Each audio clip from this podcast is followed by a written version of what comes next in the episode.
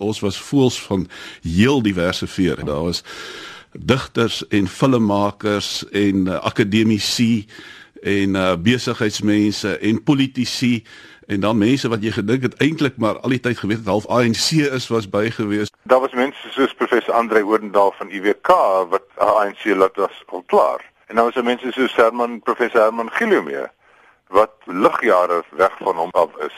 Daar was boere, daar was prokureurs, daar was 'n paar ou LPs, daar was 'n paar joernaliste. Ek is 'n joernalis, so uh, destyds toe ek saam was, uh, laat ek dit so stel in die vroeë jare 80 het ek nou al begin skryf teen apartheid en ek was 'n stadium redakteur van die tydskrif die Suid-Afrikaan wat die eerste Afrikaanse uh, tydskrif teen apartheid was.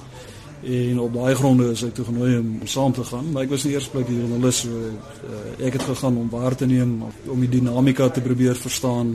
Die meeste blankes in daai stadium het besef ons is nou so 'n hoekie geverf. Dat daar was 'n gewellige gevoel daar moet 'n alternatief wees. Die ouens was nog baie bang vir die ANC uit die aard van die saak. Hierdie vreeslike helde daar was is my so belaglik want om teen apartheid te gewees het is eintlik die normale ding gewees. Dit was wat jy veronderstel was om te doen. Dit was nie helde daad nie. Veral vir ons uh, Engelse vriende het uit Brittanje toe gevlug en dan het hulle hulle self as groot helde voorgestel. Ek sou argumenteer was normaal om teen 'n rassistiese stelsel in opstand te kom. En daar was 'n gewellige die skierigheid oor wat is die alternatiewe? Hoe is die ANC? Wat is hulle ekonomiese beleid? Hoe is hulle as mense? So dit was 'n groot klomp mense. Een groot fout was daar was nie eintlik vroue nie. Die drie vroue wat gegaan het, het gegaan as genote vir die mans wat genooi is. Ek dink dit was 'n groot fout en van Sail en Reitner se gekritiseer daarna.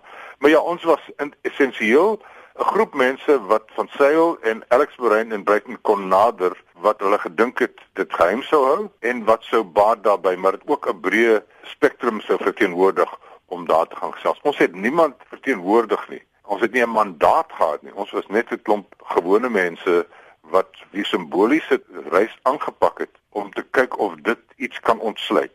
Was dit pret ook? Oor dit was geweldige pret. Ons is eers in Londen en toe soontoe gevlieg en mekaar op die vliegtuig leer ken. Daar was dit vir ons 'n rariteit vir die meeste mense. Ek het gelukkig as joernalis meeste van die ANC ouens al tevore ontmoet in Lusaka met hulle perskonferensies. Ek onthou toe ons in Londen aangekom het, was daar perskonferensie toe een van die Britse joernaliste gevra wat is die doel van die besoek. Toe Bruiten Bruitenberg dit baie mooi gestel het, gesê dit is 'n poging om die Afrikaners los te kry van die rigor mortis waarna hulle self bevind. En dit was eintlik maar waar dit gegaan het om klisjées af te breek, stereotypes af te breek, mekaar te probeer vind in 'n redelike intellektuele en vriendskaplike benadering.